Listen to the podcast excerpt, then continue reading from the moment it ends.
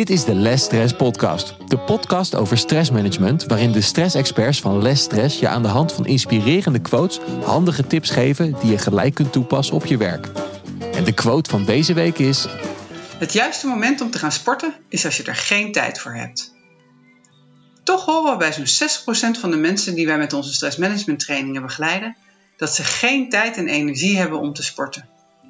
Wat wel opvallend is, dat juist de overige 40% wel tijd vrijmaakt. Bewegen is in onze visie en aanpak een belangrijk aandachtspunt. In onze stressmanagement trainingen gebruiken we de schijf van 5 van stress. Dit is een handige tool om de vijf belangrijkste factoren die impact hebben op je stressniveau te bekijken. Hoe sta je ervoor op deze onderwerpen? Welke aandachtspunten zijn er bij jou en welke concrete stappen gaan je hierbij helpen? Beweging, en dus ook sporten, is één van die vijf.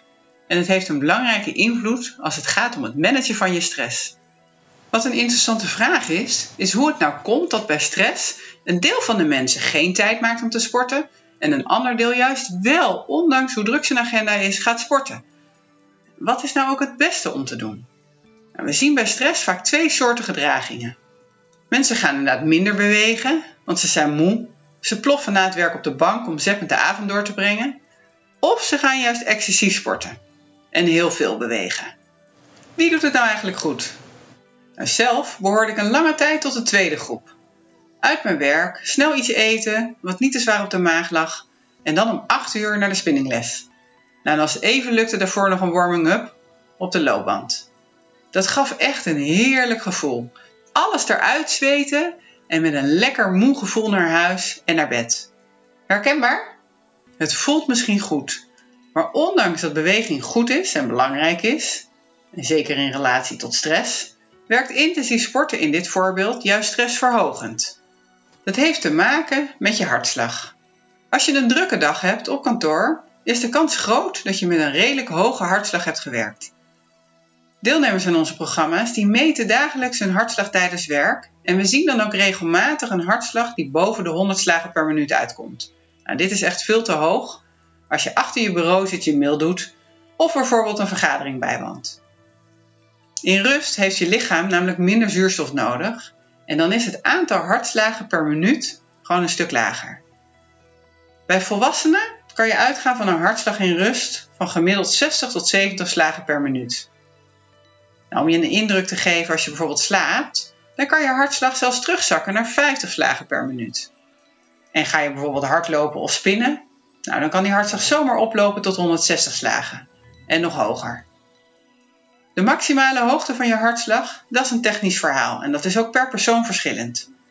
Als je wil weten hoe dit precies zit, dan is het handig om een inspanningstest bij ons te doen. Wat goed is om te weten, is dat een hoge hartslag een stressreactie is voor het lichaam. Het maakt dan niet uit of het komt omdat je aan van alles denkt wat je nog moet doen en daar stress van krijgt, of dat je intensief gaat sporten.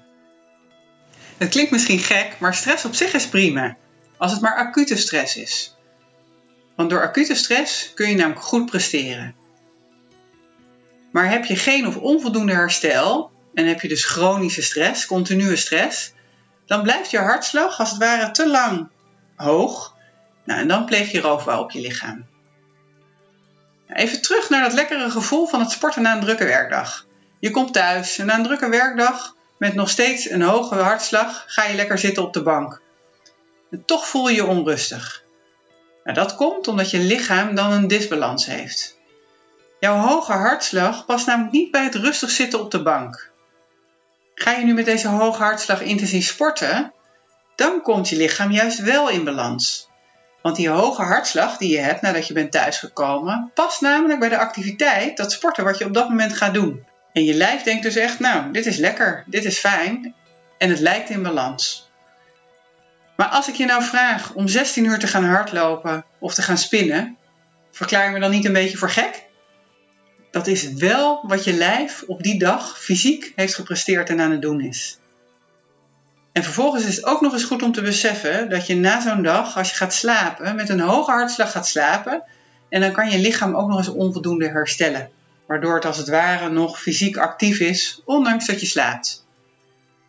Nou, velen vinden het lastig te begrijpen dat intensief sporten vaak niet handig is.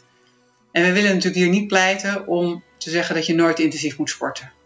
Maar te vaak intensief sporten, of na bijvoorbeeld een hele drukke dag, dat raden we niet aan, want dan herstel je gewoonweg onvoldoende. Hoe zit het dan met die bankhangers? Met stress blijven zitten en een avond gaan Netflixen is ook niet handig. Want beweging zorgt namelijk dat ons hart harder gaat pompen, waardoor je spieren ontspannen en ontspannen en gewrichten ook in beweging komen. En dan maakt je lichaam door die beweging stoffen aan als endorfine en dopamine. En die zorgen ervoor dat je stemming verbetert en dat je lekker ontspant. Dus door regelmatig te bewegen, ja, ontspan je beter, kun je je beter concentreren en je slaapt ook nog eens beter. Waardoor uiteindelijk het herstel in die end optimaal is. Te intensief sporten is niet goed en hangen op de bank dus ook niet. Maar wat is dan wel het echte advies? Iedere dag minimaal 30 minuten matig intensief bewegen maakt echt een wereld van verschil. Het zorgt voor meer ontspanning, waardoor je minder stress ervaart. Nou, 30 minuten lijkt misschien weinig, maar nog niet de helft van de Nederlandse bevolking haalt dit. Dus ga er maar eens op letten hoe dat bij jou is. En dan ook vandaag in deze podcast weer een aantal handige tips. Tip 1. Pak de trap waar je dat kan en sta ook regelmatig op om een glas water te halen. Tip 2. Doe eens een werkoverleg met een collega wandelend. Wandelen stimuleert je creativiteit en dat komt door het bewegen. Tip 3. Parkeer de auto ook eens verder weg en loop gewoon het laatste stuk naar je afspraak. Die frisse neus en die beweging zorgt ervoor dat je scherper je afspraak ingaat. Tip 4. Maak een avondwandeling. Ook zonder hond is het echt een aanrader om bijvoorbeeld met een vriend of partner te doen. Het levert veel ontspanning op en meestal hele mooie gesprekken.